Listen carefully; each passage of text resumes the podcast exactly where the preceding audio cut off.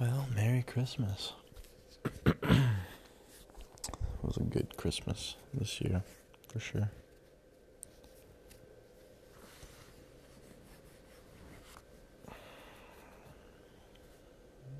My brother and I had an awesome conversation. Happens every once in a while. We just, I don't know, talk about life.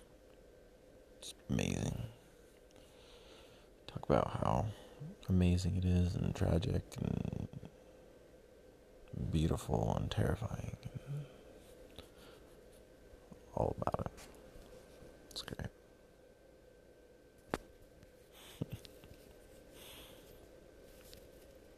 yeah, he's fucking smart. I love that kid.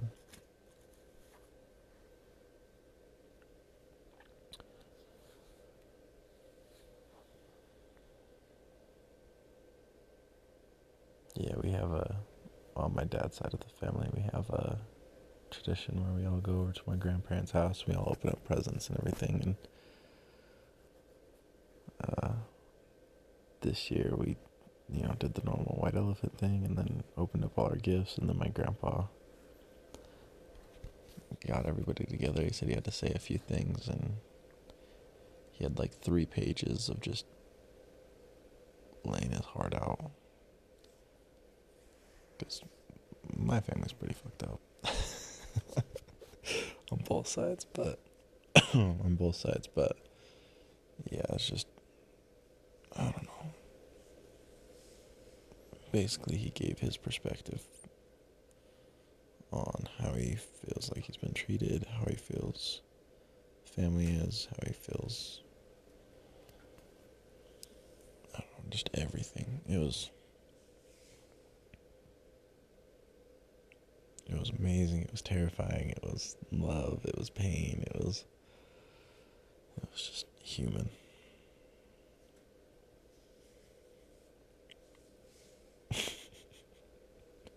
I mean, everybody's mad because all the kids were crying. Fuck, everybody's crying, but yeah, not everybody took it well.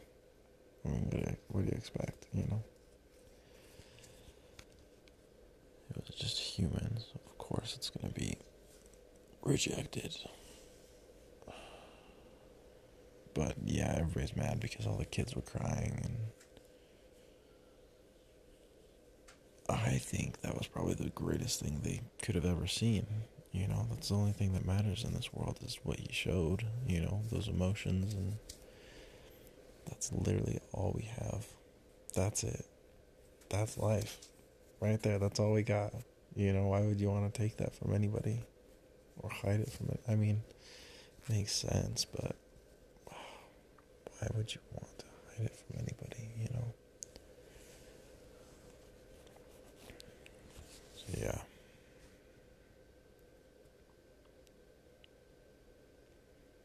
Yeah, it made Christmas awkward and revelatory and everything. It was everything. Uh, me and my dad had some funny jokes from it. We were quoting Bruce Almighty. Back to you, fuckers. He wanted to make that into a gif and said, Christmas at the Trotners be like, back to you, fuckers. Oh, man. It's fucking funny. God damn.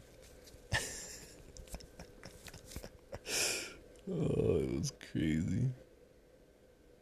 Fucking crazy. Yeah, I've never witnessed anything like it. It was amazing. I sent him a text message saying that it was. I know, basically, I said that it was brave and it was the right thing. You know, I don't. I didn't say it was the right thing. I basically just said it was brave and I understood and I could feel, you know, the love that he has.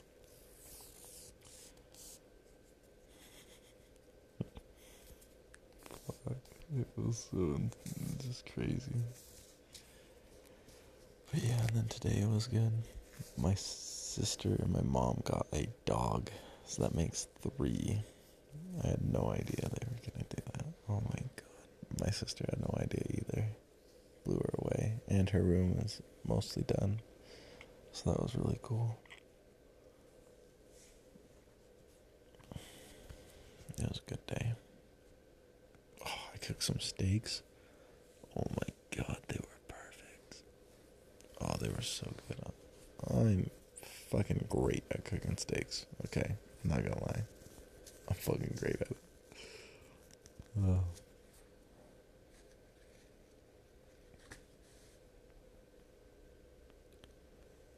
Yeah, me and the girl from Canada are still talking. She's super cool. I mean, this is. Oh, goodness. I don't know. I've learned from my last mistakes, but. Fuck. I mean, we're just getting super close over the phone. That's never a good idea. Because your mind is always better or worse than. Like, if it's a good thing, your mind will say that it's going to be better than it actually is. That's what's happening right now.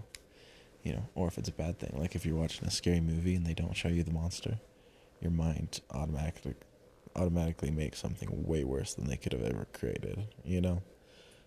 So, right now it's oh man, it's to be who knows, we'll see. We'll see if I go through this relationship better than the last couple. Or the last all of them. Hmm. I don't know, I got hope. Fuck it. If it's terrible, then it's terrible. It's whatever it needs to be.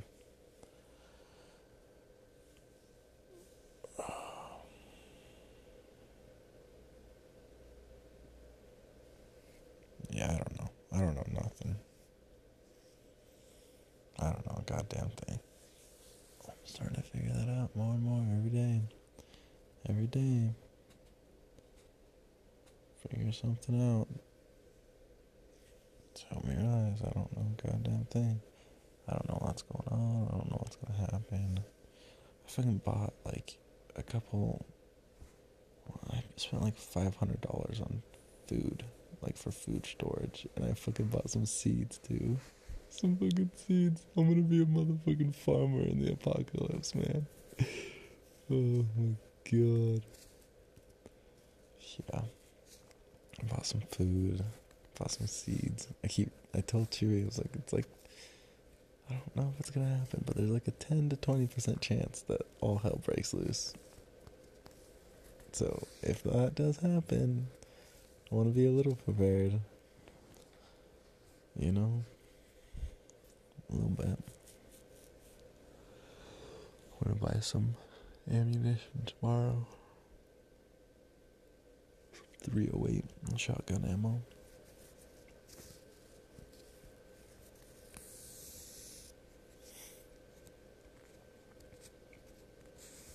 We'll see. I don't know what the fuck that's gonna do. I mean, if the world does. Fuck, that's just. Oh, man. Just not looking forward to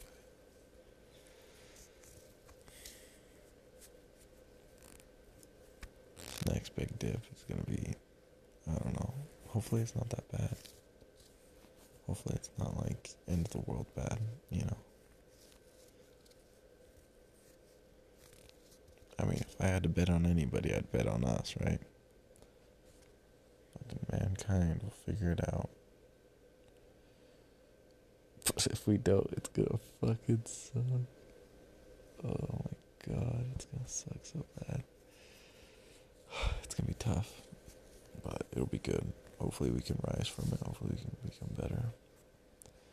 Survivors, at least. Oh man, we'll see. We'll see what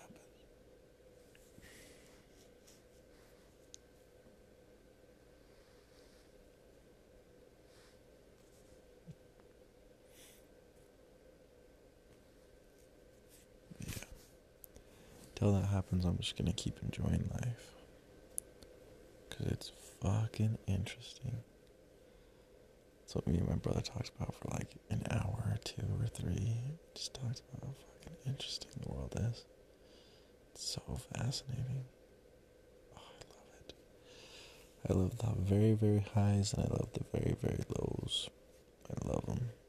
I mean, I don't love, love the lows, but, you know, I usually learn something from them. They usually teach me something. Give me some kind of experience to grow from. They're necessary. That's a better, that's a better way to explain them. They're necessary. Maybe. Who knows? Fuck, I